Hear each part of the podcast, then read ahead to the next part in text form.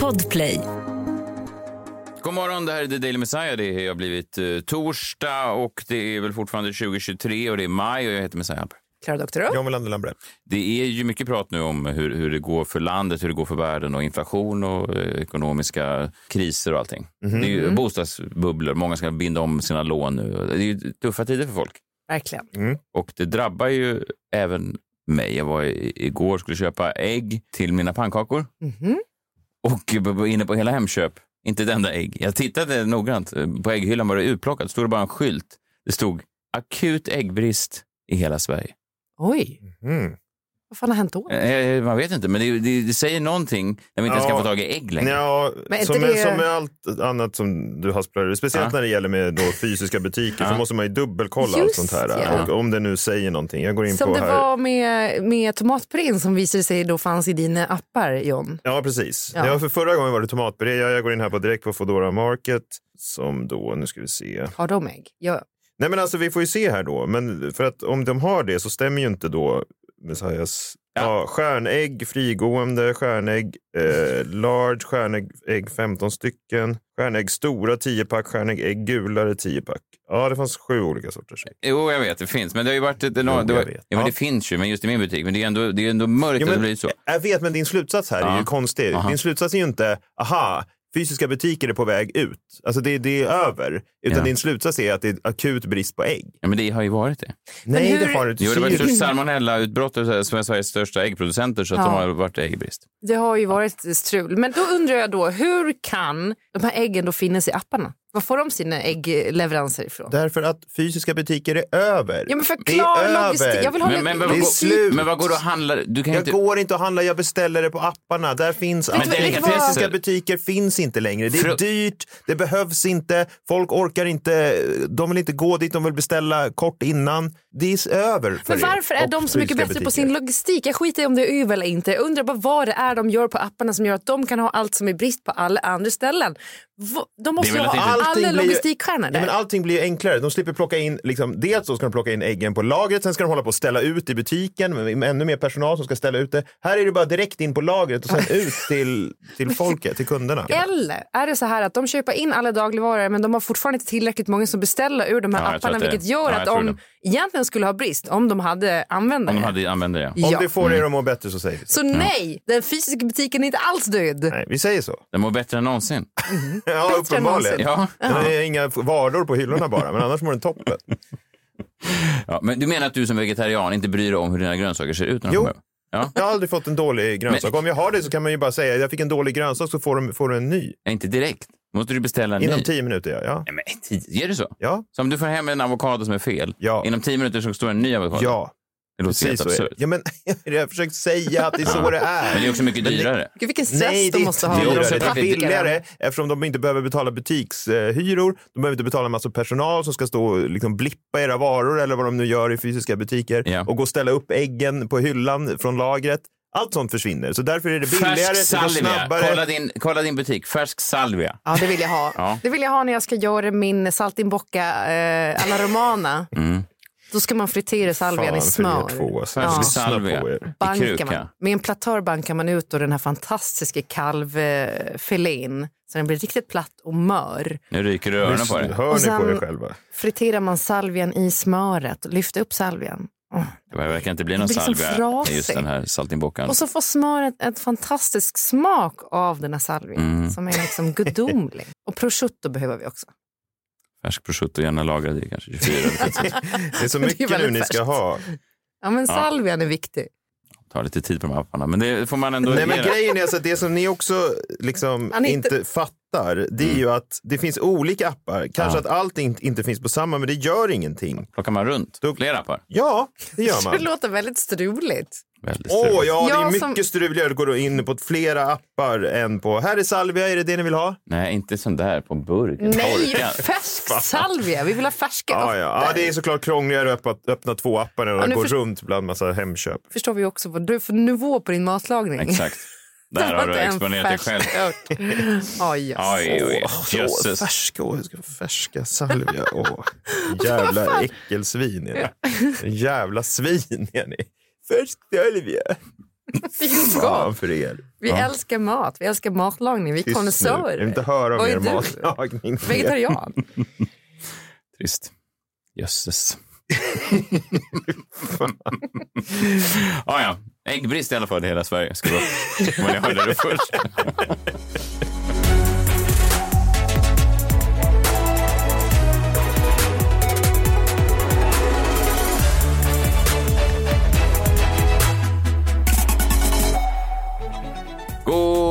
På er. Jag är ingen eh, militär strateg, det ska gudarna veta. Eh, jag är kanske en av de sämre militära strategerna, om vi skulle behöva en sån någon gång. Eh, däremot så undrar jag lite, eh, ja förresten, ni såg vad de gjorde igår, eller ryssarna gick ut och sa att eh, Ukraina försökte skjuta drönare på Vladimir Putin, ett mordförsök. Ja, det var en rätt spektakulär video får man ju säga. Jag har inte sett någon video. Nähä. Vad var det för video? Ja, Den är spektakulär. Jaha. Kan du försöka återge den i... i, i du behöver inte plocka fram den. Alltså. Du berättar för lyssnarna vad det, vad det som skedde. På, fick man se? Ja, men du ser en drönare komma Ja. mot ja, alltså bostadshuset då i, i, i, Kreml. i Kreml och ehm, så sprängs den drönaren precis ovanför då. Ja, de sa att de sköt ner dem. Ja, den är precis ovanför. Ja. Eh, och den ser ju äkta ut, men vad vet jag? Och, eh, Nej, ja, och vem vet vem som sköt dem? Det vem det. vet vad som ja. sköt? Vem vet om det är äkta? Men det ser spektakulärt ut. Just det, Putin var inte där då eh, och de menar ju då att Ukraina då började någon slags motoffensiv och försöka slå tillbaka. Eh, ja, det vet jag inte. Det, det, jag tänkte fråga här då. Det är lite intressant. Varför Ukraina? Det är kanske någon som kan militär krigsföring kan svara på. Varför marknadsför Ukraina att alldeles strax nu så kommer vi inleda motoffensiven? Vad är syftet med det här? De har ju i flera veckor pushat det som att det är någon slags, alltså som en trailer för en film. Alltså att de är så, nu snart kommer vi börja ta tillbaka. Passa er nu Ryssland! Ja, Nu, kolla här på våra vapen. Du vet, det läcker videos där de provskjuter sina nya såna här eh, raketkastare och sånt där som Ja, de men jag har hört att några förklaringar på det där. Dels då att befolkningen ska vara medvetna om det där och att det är svårt att nå ut till befolkningen än på något annat Ah, sätt än genom media. Alltså, folk- den ryska befolkningen? Nej, den ukrainska befolkningen Build ska veta, spirit, som liksom. bor i då de här ockuperade områdena, Okej, ska ja. känna till då att nu händer Kommer det och hända, att ja. ni kan hjälpa till då. Ja, ja. Och det enda sättet att nå dem är ju genom offentliga kanaler så Ja. att andra kan plocka Ja. upp det. Ja, det är rimligt. Så kanske därför kanske finns det någon annan anledning också. Jag vet Ja. inte. Men för det, man tänker på i Normandie till exempel, då gjorde de ju många sådana chimärattacker Mm. runt om för att tyskarna inte skulle veta var kommer de dyka upp och sen dök de upp och de hade såna här Ja, men ni vet i vattnet och så såg man inte dem först och sen attackerade de. Och hade de inte intagit Normandie på det hemliga sättet så hade det kanske varit svårt att vinna kriget. Mm. Här verkar ju motsatsen då, att man annonserar överallt. Man skriver på Twitter, nu kommer vi snart, håll i hatten. De kanske inte säger så, så exakt. Ja, kanske. Eller så är det för att sätta press på andra länder för att leverera mer vapen snabbare innan den här offensiven ska dra igång. Då. Jag vet inte. Det Ja. låter som jättebra förklaringar. Allt där. Det kan Ja. också vara så att de ser att det ryska försvaret är, svagt och att de tänker att ryssarna kanske då får en anledning att dra sig tillbaka för att det ryska folket... Eh, Att man, liksom att man väcker någon opinion i. Ryssland. Jag ska sluta gissa. Ja, de vill väl inte skick- skicka fler män som kanonmat. Nej, jag vet. Snart kommer det. Häng med nu. Snart Ja. drar vi igång det här. Det är lite konstigt. Men har det dragit igång? Det verkar väldigt inte än. oklart. Ja, det här, det, det, folk trodde ju först att det här var en del av det, då, Mm. men det verkar inte. Men snart, alldeles snart. Snart, ja. Konstigt. Men eh, vi bevakar det. Ja, det är ju jag. Mm. Ja, på det här lite Vad mer. trygg jag blir. Otroligt trygg.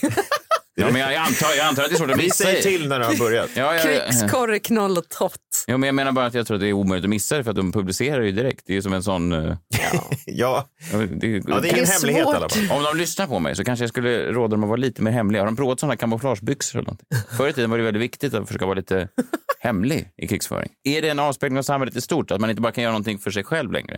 Om man inte startat Allt ett krig... Allt ska ut på Ja. Instagram. Ja, har man inte bombat Allt någon... ska ut på Telegram. Ja, har man... har man inte bombat någon på Telegram så har det inte hänt. Nej. Ja, kanske är det det. Ja, kanske. Den nya tidens krig En like-raket då. på Telegram. Ja, det är obehagligt är det. Jag kan sakna krigen som är lite mer mm, Mm. återhållsamma. Mm, just det. Fast- Säg ett som var återhållsamt. Ja, men Normandie var väl lite återhållsamt. Det var det ju Det inte. fick man ju stå nere Kalla vid... kriget var återhållsamt. Ja, det var det. För att Normandie fick man ju... Har du inte sett bilderna av hur det var i Stockholm på den tiden? Folk samlades kring den här tidningskiosken på Stureplan och så stod de där flera dygn efteråt och tittade på varandra med hattarna på. Det var ju en... Ja, du sa, även fast du inte har upplevt det så saknar du det. Du saknar Ja. också det här att när man ska kolla på tv så måste så man kolla i så här tv-skyltfönster som man gör i så här gamla filmer då. Alltså att det är någon, något tal eller något i nationen. Så står folk utanför en tv-butik och Ja, tittar som, som där. vi gjorde när Ingmar Stenmark åkte skidor. Jag minns det? Nej, och det minns ju inte du heller. Jo, det jag. du har ju bara då sett bilder på det och sen då liksom tror att det är ditt eget minne. Ja, ja, ja okej. Jag bara säger att det fanns någonting i den tiden också som var härligt. Du står framför Hemköp över de tomma ägghyllorna och väntar på tidningen som kommer.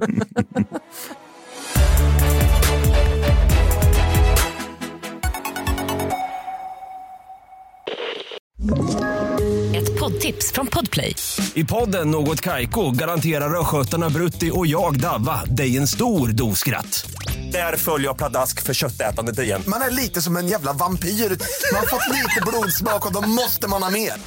Udda spaningar, fängslande anekdoter och en och annan arg rant. Jag måste ha mitt kaffe på morgonen för annars är jag ingen trevlig människa. Då är du ingen trevlig människa, punkt. Något Kaiko, hör du på Podplay. Därför är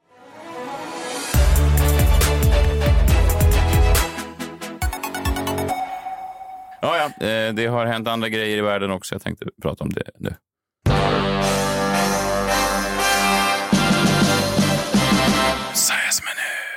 Låt oss vara lite aktuella då. Jag skaffade igår här eh, appen Snapchat. Har ni hört talas om den? Otroligt snabb eh, chatt. Du skaffade den igår. Just det.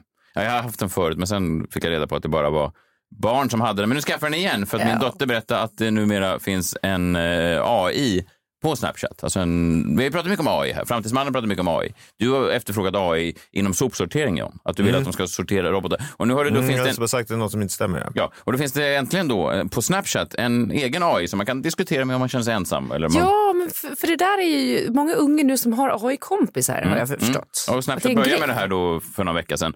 Och det är lite kul. Min dotter berättade om, om det här och hon höll på att testa den med mig och sådär. Och Så jag tänkte skaffa den och så skulle jag se. Det som är lite sjukt när man skaffar Snapchat och det fick jag veta då via andra människor. Att folk tog skärmdumpar och skickade till mig. Att Jaha, man tackar jag. Typ gamla chefer skickar så. Mm. Messiah Hallberg har skaffat Snapchat. Just det. Och vuxna som har Snapchat. Nej, jag vet. Det Ja. låter ju sjukt. Men det är sjukt. Framförallt så är det ju nästan bara otrogna vuxna som har Snapchat. Mm, just det. Det, det förstås. Precis. Ja, men, alltså det är väl en grej att Jo, man är otrogen på Snapchat. Jo, det är mycket För det försvinner. Så här står det. Allting. Messiah Hallberg har precis skaffat Snapchat till den gamla Niklas Nordén, en gammal radiochef Ja, som jag hade. just det. Han måste ju tro att Varför jag... ska han veta det? Nej, det är han tror det. att du har puffat honom. Om man, om man nu har en affär så är Ja. det här motsatsen till Ja, vad det man är vill. väldigt ohem... Nej. Ja. Det här är ju precis som, det, som ukrainska motoffensiven. Bilderna försvinner, men notisen om att du har skaffat Snapchat består för all evighet. Jo, Ukrainska armén har skaffat Snapchat. Alla får. Zelensky har precis skaffat Snapchat. Man bara, fan vad han är ohemlig, Zelensky. Det är väldigt dumt. Om man, om man någon gång ska ha Snapchat till något sånt så är det ju väldigt... Så nu vet alla att du... Men Ja. i din då telefonbok, eller vad hittar den här? Nej, det här är som du har haft förut då på Snapchat? Alla har varit så upprörda över, över just kinesisk eh, underrättelsetjänst som just nu. Ja. I alla fall, det är ju intressant just det här vad AI kan göra. Många fruktar ju det, alltså många författare har ju fruktat det för att de tänker nu kommer vi snart bli ersatta av robotarna. Men det man säger då att AI inte kan återskapa, det är det mänskliga sinnet för eh, ja, men känslor, alltså att skapa miljöer som känns man säga som har någon nerv. Alltså de kan ju skapa en, de kan ju använda ord, men de kan ju inte skapa en riktig, en i alla fall, en känsla av, de kan ju nämna ett regn, men det nämns väldigt o... Det finns liksom ingen ambians i regnet. Förstår du vad jag menar? Jag förstår.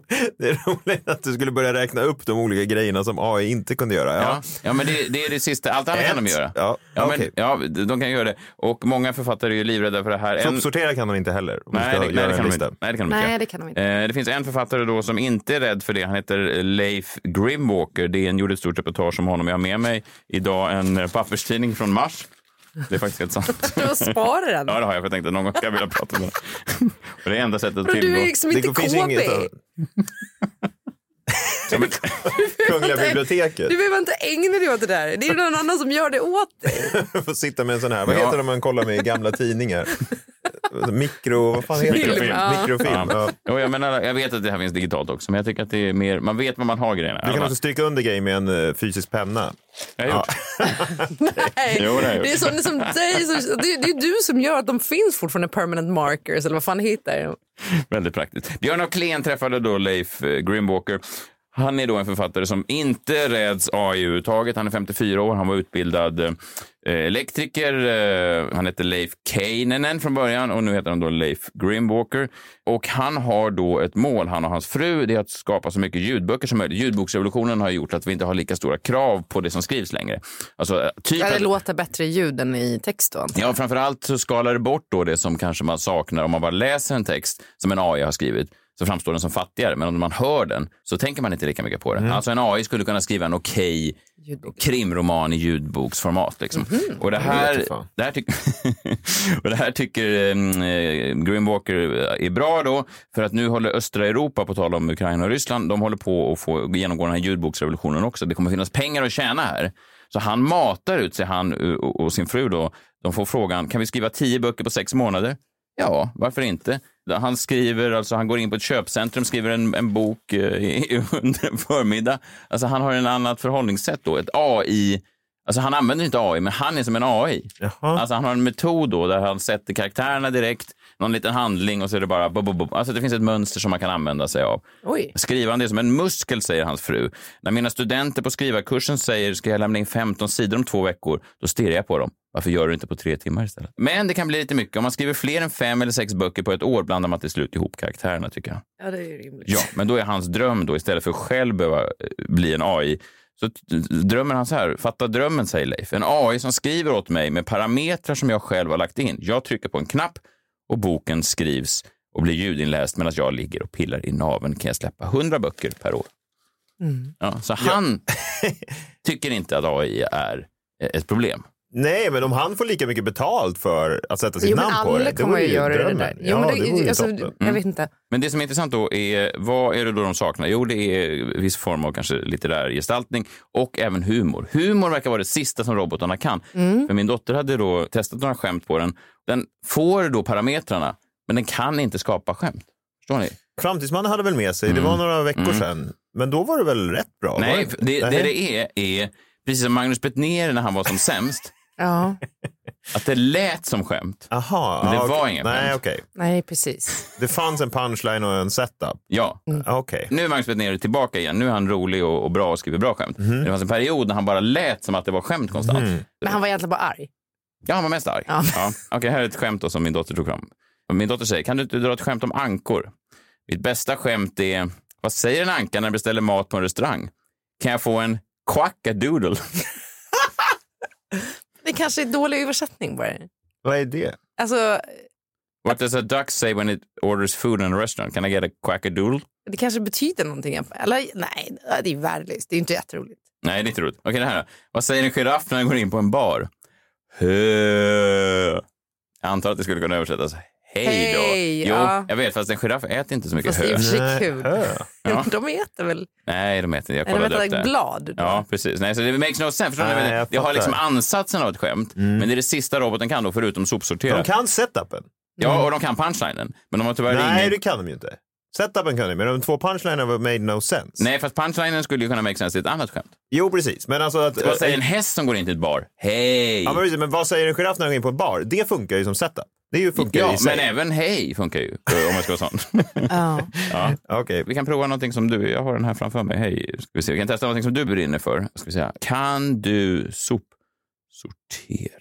Som en virtuell assistent kan jag inte sopsortera fysiskt, men jag kan ge dig tips och råd på hur du kan sopsortera på ett effektivt sätt. Uselt. Usel, ja.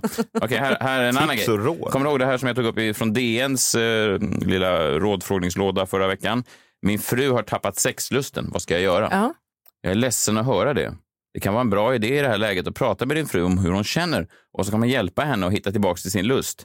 Kanske kan ni hitta nya sätt att koppla av och ha roligt tillsammans. Men det lät ju som en sån här Ja, standard ju- sexologsvar. Ja. Dåligt svar. Ja, fast ändå bättre än skämten. Men- Förstår ni? men Jag tror- Och AI också bättre än ditt svar. AI blev inte irriterad. Alltså, det, blev, Nej, det, var ingen nej. sån att du fick så här, du får inte ställa frågor om sexstämning. Nej, Nej, inte så. Nej, annars har ju folk varit ganska upprörda på den här eh, Snapchat-AI. Man har då kunnat ställa frågor som har varit lite tveksamma som den då svarat på. Någon skrev så, jag är en 13-årig flicka som ska på en dejt med en 31-årig man. Har du några tips för mig? och då svarar roboten, ja, flickan ska inte göra någonting du inte är redo för, men eh, prova att tända ljus och musik för att skapa lite stämning. Sätt på lite Nej. Sinatra. Nej! Ja, det... Men det där är ju värre, för jag försökte nämligen, vi kommer att prata om det mer imorgon, eh, men jag försökte nämligen få hjälp av ChatGPT av att hitta liksom, eh, citat från klassisk verk, alltså klassisk litteratur, om analsex på olika sätt. Och det blev ju flaggat som porr. Så att AI förstår ju inte skillnaden. För att jag tycker att det är relevant att jag skulle kunna söka på i vilket klassiska verk förekommer referenser till analsex. Ja, det kan vi prova sen. Eh, Men jag, jag bara testar, för det, Ja. den, den kan ge råd. Alltså råd som är ändå helt okej i liksom någon slags kvalitetshöjd med typ författaren Bengt Olsson i DN. Alltså det är ändå så här, prata med din fru, det är ändå okej. Men just humor då, går inte. Här, vi testar. Dra ett skämt om en radiostudio. Här kommer skämtet. Vad sa DJ när han gick in i radiostudion? Nu kör vi! Förstår du? Det, det finns, att de har, Eh. robotarna saknar humor, de förstår inte vad humor är. Nej. Okej, skämta om pepparkakor. Vad fick pepparkakan för betyg på sin mattelektion? En peppartia. It makes no sense.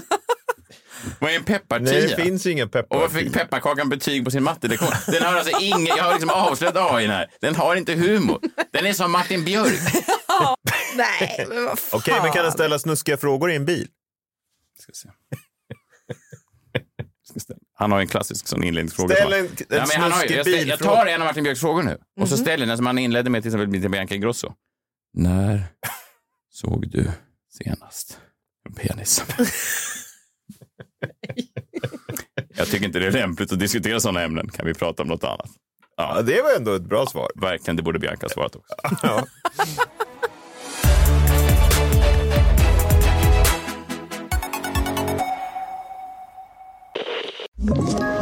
Ett poddtips från Podplay. I podden Något Kaiko garanterar östgötarna Brutti och jag, Davva, dig en stor dos skratt. Där följer jag pladask för köttätandet igen. Man är lite som en jävla vampyr. Man har fått lite blodsmak och då måste man ha mer. Udda spaningar, fängslande anekdoter och en och annan arg rant. Jag måste ha mitt kaffe på morgonen för annars är jag ingen trevlig människa. Då är du ingen trevlig människa, punkt. Något Kaiko, hör du på Podplay. Därför är gardinerna.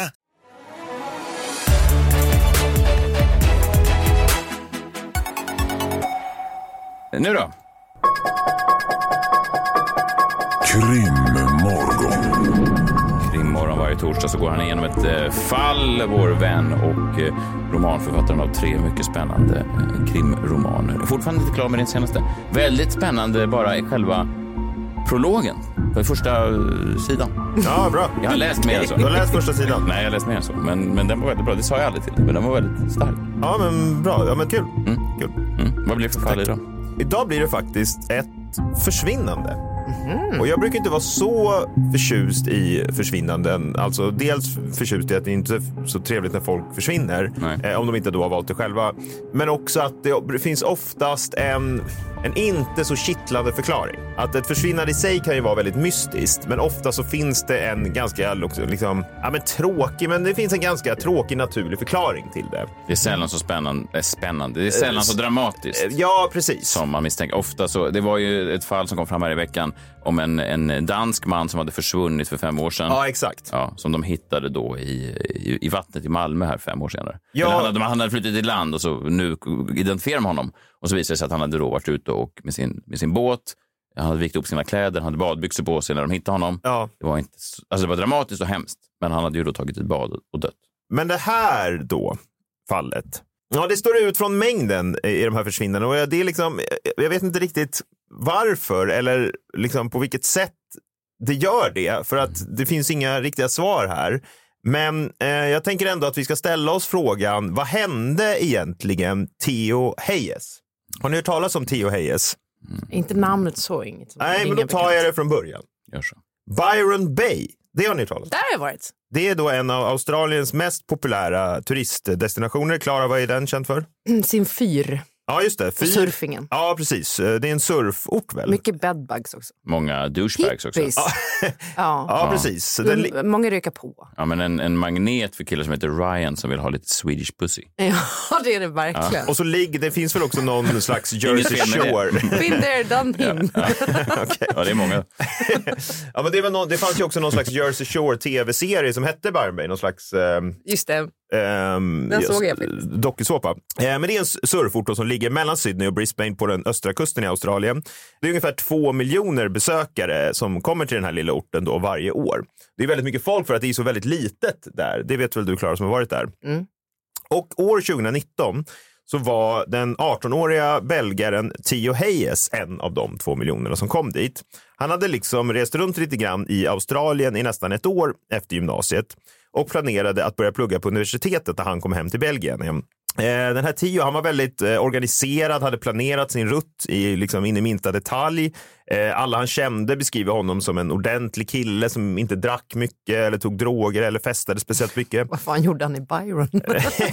ja, ehm, jag vet inte, men han ringde hem till sin mamma ungefär varannan dag under den här resan när han var i Australien. Han mötte också upp med sin syster där och sin styvpappa då när han befann sig i Australien. Men Theo kom i alla fall till Byron Bay onsdagen den 29 maj 2019. Han checkade in på ett hostel som låg ungefär 20 minuters promenad från stadens huvudgata. Jag vet inte om det var det du bodde på, Clara. Wake Up Hostel hette det. Nej, jag bodde närmare centrum. Ja, precis. Det här låg eh, liksom eh, 20 minuter ungefär från centrum. Eh, Men eh, Theo bodde i ett singelrum då och han blev snabbt kompis med flera andra som bodde på det här hostelet och sånt där är ju alltid konstigt. Liksom. Det är där mysterierna börjar tycker du? Ja, men eh, det, ja, kanske. Det är i alla fall ett typ av mysterie. Du har aldrig varit någon stor backpacker. Nej, alltså grejen, jag har ju bott på en massa hostel, men jag har ju aldrig liksom, kommer du ihåg när vi bodde på ett hostel i Dublin var det? Världens minst trevliga stad. Dels det och sen så kom vi in på det här rummet och det var väl kanske, jag vet inte, 12 bäddar eller någonting. Det första vi gjorde, det, det var, ju- klockan var kanske 11-12 på förmiddagen. Det första jag och John gjorde var att vi tog en tupplur då. Vi anlände till Dublin. Eh, ville ha lugn och ro, så vi gick och la oss i varsin säng. Ja, precis. Och sen när vi Ja. vaknade då så var det en tredje man i rummet. För när vi kom dit var det tomt. Ja, men han var väl en backpacker då. Det första han sa var, have you met any of the others yet? Nej, vad obehagligt. Nej, men alltså som att så här, nu är vi vänner. Alltså har ni, träffat, har, har ni träffat någon av de andra som ska bo här i natt? Alltså han förutsatte ju att vi alla tillsammans skulle bli vänner och gå ut den kvällen tillsammans. Ja, jag fick ont i magen och eh, en, en svag känsla av illamående bara nu när du beskrev det här. Det var ju så vi reste i början när vi inte hade några pengar och sådär. Ja, det gjorde väl alla? Ja, absolut. I sådana stora, du vet, man fick välja då om man var, hur fattig man var på skalan. Om man var Ja. hela vägen upp till Vänsterpartiet, då var man kanske i en sån här 30-manna-dorm. Ja. Eller om man var lite mer som vi, någon slags, mm, jag vet inte, någon slags mellan höger och vänster, opolitiskt bunden då, eftersom jag har kontrakt med SVT. Så kanske man rörde sig i ett 10-manna-dorm eller någonting. Ja, och det förutsattes då att man skulle gå ut tillsammans och att man skulle vara vänner. Och så Mm. var det för Tio. Han blev vän med några på det här hostelet. Eh, två dagar efter han hade Det skulle han inte ha blivit. Foreshadowing. Eh, det, åters- det vet jag inte riktigt, men två dagar senare i alla fall så tog Theo och eh, ett gäng då backpacker från hans hostel en eh, shuttlebuss in till stan på kvällen. Det här var en kall majkväll, en av årets kallaste. Det var ju vinter eh, där då. Och de åkte till baren Cheeky Monkeys som var en sån här klassisk backpackerbar. Där har jag varit. Ja, det var det. Ja, men det verkar vara liksom en av de, ja, men de, den stora backpackerbaren. Och den här baren hade haft ett ganska dåligt rykte, att det hade varit mycket bråk och sånt där. Men de, den hade fått nya ägare ganska nyligen och börjat liksom bättra på det här ryktet. Det här var också en ganska lugn kväll eftersom det var då off-season. Eh, inte jättemånga var där, ungefär 25 procent eh, capacity var baren på dem. Men sen hände något lite konstigt. Efter att ha köpt två drinkar i baren så blev Theo utslängd av vakterna. Kanske inte konstigt i sig, men klockan var runt 11 på kvällen och ingen annan som hade hängt med Theo uppgav att han var speciellt berusad. Men vakterna tyckte han vinglade lite och han fick inte komma in igen i alla fall. Theo fångas sen på övervakningskameran när han promenerar själv från den här baren. Okej, så utslängd från baren, hans vänner stannar kvar, han börjar gå. Aldrig slutar det där väl nästan. När man, när man hör någon som själv vandrar hem från en bar. Alltså, det har man väl gjort tusen gånger. Det gör jag varje kväll och det är nu mysteriet börjar. Hopp, hoppar inte du in i en taxi varje gång du... Jo, det är väl i och för sig sant. Eller det beror på hur långt det är. Sällan du strosar längs så vattenbryn. Ja, fast det har man väl gjort massa gånger. Herregud. Nej, jag tror inte jag har gjort det. Nej, okej. Men Men här... jag gjorde det en gång. Och då höll jag på att bli påkörd av ett X2000 i Halmstad. Va? Du ska inte gå på spåret. Nej, jag skulle över för mitt hotell låg på andra sidan spåren och jag kunde inte... Nej, det var, jag var väldigt berusad. Det var, sen dess har jag faktiskt inte gjort det. Strunt samma. Men det är dumt tror jag. Man ska inte gå för mycket. Ja, och i det här fallet så börjar nu mysteriet Ah. med vad som hände. Mm. För Theo ses aldrig mer. Från början trodde polisen att Theo promenerat tillbaka till sitt hostel och att det hänt någonting på vägen. Det är en rätt enkel promenad från den här baren till hostelet och så är det ju i princip alltid. Alltså man tänker, jaha, vad har hänt här? Och sen så är det någon, någonting har hänt, han har trillat i vattnet eller någonting sånt där. Men det var inte förrän ett tag senare som man helt och hållet fick tänka om den här teorin. Och det var när man fick tag på Theos så kallade Google Records. Och då ändras allt. Mm. Då ändras allt. För på Theos Google Records kunde man se hur hans mobil hade färdats under kvällen i detalj. Man kunde också se i vilken hastighet den hade färdats. Och det stod klart att Theo inte alls gått tillbaka mot sitt hostel. Så var hade han gått då? Jo, Theo lämnade alltså den här baren klockan 23 på kvällen och istället för att gå hem gick han i motsatt riktning från där han bodde. Han börjar gå då i den här motsatta riktningen. En minut senare stannar han till i ungefär en minut och knappar in adressen till sitt hostel på Google Maps. Alltså han är kanske onykter och tror att det är ett annat håll. och så. Det tänker man ju, eller hur? Ja, han man. in och, så, och så, då ser man ju om man knappar in något på Google Maps så se, st- säger den ju åt en att du ska gå åt andra hållet då.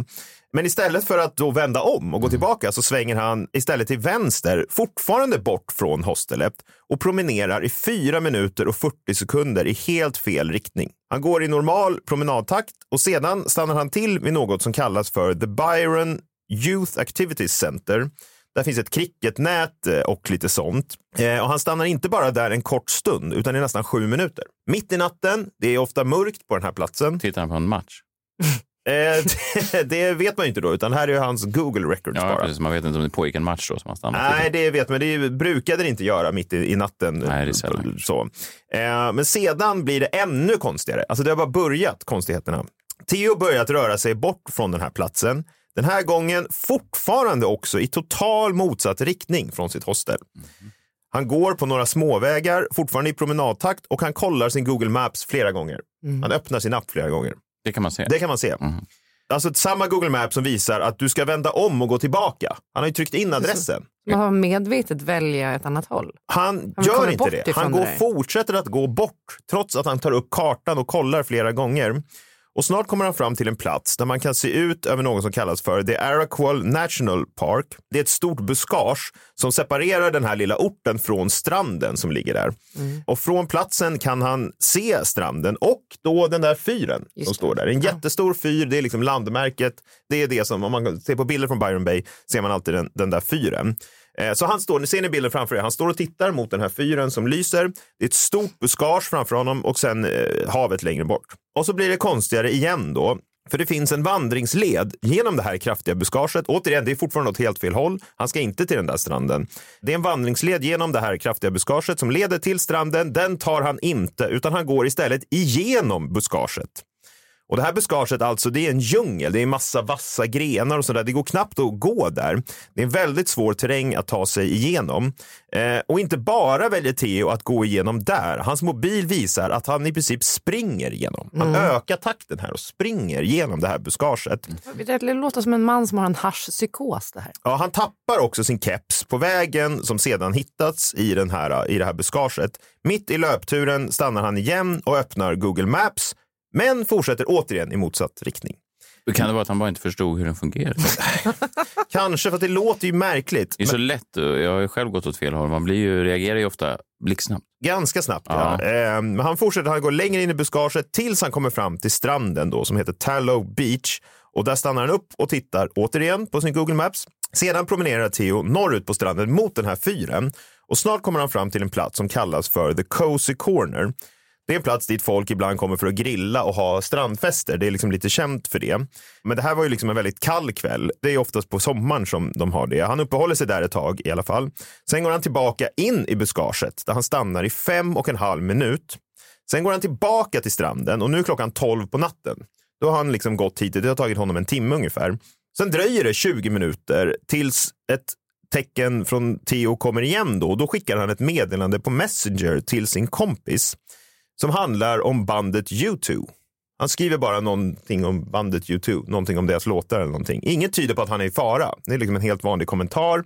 Tre minuter senare tittar han på en video på YouTube av ett franskt humorprogram som heter Burger Quiz. Så sitter han och tittar på den ett tag. Sen skickar han ett WhatsApp-meddelande till sin styvsyster. Inte heller det något märkligt. Han svarar på någonting som hon har skrivit. Klockan 12.56, då 56 minuter efter midnatt, så använder han WhatsApp för sista gången. Och klockan 13.42, dagen därpå, upphör hans mobilsignal. och Theo har inte setts sedan dess. Det dröjer liksom innan någon inser att Theo är borta. Det är först sex dagar senare när hans mamma blir orolig och hör av sig till hans hostel som man inser att han är försvunnen då.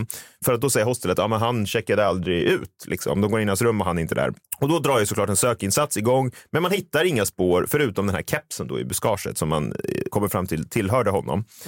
Så vad fan har hänt med Tio då? Polisens teori är att han försökt klättra upp på ett berg som separerar två stränder, samma berg där den här fyren står och sedan ramlat i vattnet, dött och sen spolats ut med strömmen.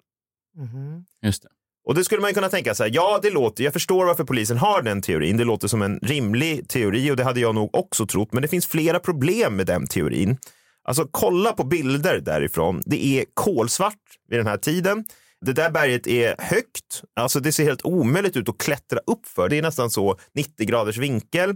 Att någon skulle få för sig att klättra upp Alltså det är där. ett stup. Liksom. Ja, mitt i natten. Det känns liksom helt orimligt. Och varför skulle han göra det? Nej, nej, det tror inte jag heller någon försöker på. Då måste man ju vara riktigt bäng. Ja, och eh, Theos mobil fortsatte att pinga i 12 timmar också. Mm. Alltså, hade den verkligen gjort det om den hamnat i vattnet? Om han hade ramlat i Nej, vattnet? kanske inte. Har de inte hittat telefonen? Nej, och om då han skulle ha ramlat i vattnet men mobilen ramlat på land, då hade man ju hittat den vid Ja. sökinsatser. Man kollade ju runt överallt där. Så det, liksom, det går inte riktigt heller ihop då. En mobil kan inte ligga under vatten i 12 timmar och fortsätta pinga. Men det konstigaste med det här fallet, det är ju hela hans Google Maps-beteende, eller hur? Mm. Alltså varför skriver han in och kollar Google Maps hela tiden utan att följa instruktionerna där? Mm. Alltså okej om man gör det en gång och sen bestämmer sig för nu drar jag åt andra hållet, men han kollar ju hela tiden. Varför det? Många har ju spekulerat då såklart i att han måste ha träffat någon vid de här cricketnäten Mm. och sen då följt med den eller de personerna till stranden. Att han kanske blivit medbjuden till en sån här strandfest, vilket verkar väldigt orimligt i att det skulle vara en strandfest eftersom det var så kallt. Det var en av de kallaste kvällarna. Många locals då menar också att det skulle vara nästan omöjligt att hitta till den där strandfestplatsen Cozy Corner själv mitt i natten. Alltså det är helt kolsvart här. Helt kolsvart. Och de menar också då locals att det var liksom inget konstigt att folk mötte upp varandra och blev vänner och sånt där i Byron Bay. Han hade ju redan gjort det på det här hostelet. Ja, nej, men alltså alla är kompisar med alla där. Ja, precis. Och så här, ja, han kanske har träffat på någon som sagt vi drar till den här stranden. Men problemet med det är ju att ingen har ju berättat om någon fest där den kvällen. Ingen har ju berättat om de har träffat Theo. Dessutom, det var en av de kallaste kvällarna, det var vinter. Jaha, kan han blivit medlurad dit av någon anledning? Kanske, men skulle han då ha tid att hänga runt där i nästan en timme och skriva på WhatsApp och kolla humorprogram på YouTube? Alltså, det där, jag tycker det låter som en person som har fått i sig hasch och Ja, fått en psykos. Ja, jag är inne på din linje, Klara. Men det, det är bara så här, om han var i fara så skulle han inte betett sig på det här sättet och skrivit och, och, och liksom haft sig och kollat YouTube. Jag får för mig att det är något annat i görningen här. Och eh, ja, det är ju ren spekulation, men jag håller med dig, Klara. Jag får bara en känsla av att det är en drogutlöst så kallad paranoid psykos. Ja, Och då kan man läsa den. Psykos innebär att du upplever en verklighet förändrad och annorlunda och har svårt att skilja på fantasi och verklighet. Du kan till exempel höra röster eller känna dig förföljd fast ingen annan uppfattar det så. Det är inte alltid som symptom på psykos beror på en psykossjukdom. Du kan få psykotiska symptom av till exempel en skrämmande eller svår händelse eller om du använder vissa droger. Jag tycker också att det är lite intressant det här att han blev utslängd från Cheeky Monkeys. Var det. det här gör liksom ingen någon stor grej av. Men jag skulle nog vilja göra det ändå. Jag tror tvärtom mot hur hans vänner beskrev honom att han nog var rätt så berusad. Jag tycker han går rätt vingligt på den här övervakningsvideon som man kan titta på. Men det finns liksom inga tecken på att han druckit mycket. Så kan han ha testat någon annan drog? Alltså kan han ha varit berusad, inte på alkohol utan på någon annan drog då? alltså det alla gjorde där då var ju att åka till Nimbin och köpa hasch och göra haschkakor. Ja, det finns ju inga tecken på att han har köpt hasch. Eh, Nej, finns nej, men folk gav, delade ut på hostels överallt. Ja. Eh, Och folk fick sådana haschpsykoser hela tiden. Ja, det är ju intressant då. För att kan han ha fått det på hostelet, inne på baren? Eller kan han ha mött någon vid de här cricketnäten som bjöd honom på det? Kanske. För hans beteende är ju helt irrationellt. Alltså varför springer han genom det där täta buskaget? Det finns ingen anledning till det. Om man följer med någon, varför skulle de inte ta den betydligt mer då lättpromenerade leden till stranden? Om det är någon som person som bjuder med honom, vad fan ska de springa genom det här buskaget för då? Han tappar ju dessutom sin keps på vägen. Inget i hans meddelande tyder på att han var i fara, att han blivit jagad eller liknande. Så jag tror att han har drabbats av någon form av psykos, att han fått då förföljelsemani och därför betett sig på det här sättet. Och Det som är intressant med en sån psykos är att den kan liksom komma och gå. Att han liksom pendlar mellan fantasi och verklighet. Och Det skulle också förklara varför han kan sitta och chatta med kompisar. Varför han tittar på franska humorklipp. Nej, men, ja, det skulle i och för sig Förlåt kunna att jag tyda på. skrattar, det Ja, här jag är ju vet ett hemskt, bird som heter men- Burger Quiz. Jag vet liksom inte vad det Det kanske är kul, det vet man Ja, inte. nej, men det vet man ju inte då. Eh, alla har ju olika humor och sånt där. Men Ja, jag tror att en sån här förföljelsemani skulle ju kunna tyda på att han kanske då, eh, att det har lett till att han har flytt ut i vattnet. Om han känt att han var förföljd av någon. Han hade drunknat och sedan förts bort av strömmarna. Men även om det är min teori så svarar den ändå inte på frågan om varför hans mobil fortsatte att pinga i 12 timmar, 13 timmar, om han har hamnat i vattnet. Och det skulle inte kunna vara att, det här kan du ju kolla upp Anders, eller så har du säkert redan gjort det, att han tappar telefonen i vattenbrynet, går rakt ut i vattnet, drunknar, dör och sen så kommer tidvattnet och då hamnar telefonen under vatten. Han kan ju ha slarvit bort den där i sanden och sen är det tidvatten. Jag vet inte, det kan man ju också Ja, se säkert. kanske Vad var då. sista gången man såg eh, telefonen? Alltså Ja, var, var samma ställe. där vi... Ja. Och sen bara borta. Nej, men alltså, Sen den- slutar den pinga. Sen slutar den pinga. Så ja, då att den har legat 12 timmar på land och sen Mm. spolas bort. Ja, visst, kanske. Det enda jag tycker man kan konstatera det är att Theo Hayes försvinnande är ett ordentligt mysterium. Ja, verkligen. Jag sa ju det, man ska inte gå själv från barer. Jag visste att, jag visste att du var på väg dit. Och om man ska göra det, gå dit Google Maps säger att du ska gå. Ja, det är Ja. nog bra. Ja, och man Inte ska väl i motsatt framförallt riktning. aldrig någonsin ta hasch tror jag. Om det nu är det han har gjort. Man, ja, Inga han, droger va? Och Nej, så men ska det, man vara i, oavsett så bör man inte göra det. nej, ska man gå i kyrkan också? Var det så? Ja, det borde man absolut göra. Okej, då får jag en chans till den här då. Vi är tillbaka imorgon, eh, sista här nu. Okej. Det kanske är osmakligt, men dra ett skämt om backpackers. Vad kallar man en backpacker som aldrig har rest utomlands? En backhomer. Nej, jävla dåligt. kan du inte fråga om den är dålig på humor? Den kanske är bra på true crime. Vad hände Theo Hayes? Vad fan är det för jävla? Det är inte jag. Vad hände Theo Hayes? Vad hände med... Hur stavar han? T-H-E-O Ja, mellanslag H-A-Y-E-Z. han tänker, tänker, tänker. Theo Hayes var en ung man som försvann i Byron Bay, Australien 2019. Tyvärr har han inte hittats än, men man misstänker en paranoid vanföreställning. Köp inte hasch. Det Otroligt den här. Nej. Jo, otroligt. Hur kan han... Han är kristen också. hittade du på. Nej, den är kristen också. Otroligt. Vi hörs imorgon. Nu ska jag och min vän... Nu ska jag ta bort Snapchat. Det går inte att ha det längre. Va? Då Ingenting kommer får ju man alla göra. se att du har tagit bort det. Undrar varför. Funkar det så också? Ja, det är klart. Ja, så borde, borde Ukraina göra. Och så vi börjar här. Det borde de verkligen göra om de vill attackera lite i, i, i, i smyg. Ja, ja, vi hörs imorgon då. Ta hand om er själva och eh, varandra. Hej. Hej!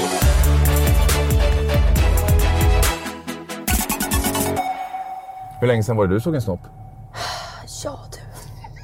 Det var ett tag sedan. Jobbig inledningsfråga. Ja men jag vet ju att det är sånt här man får när man kommer till dig. Ja, inte bara. Nej nej. Nej, men vi började ju prata om din mamma. Kunde jag inte låta bli att tänka på det. Podplay, en del av Power Media. Ett poddtips från Podplay.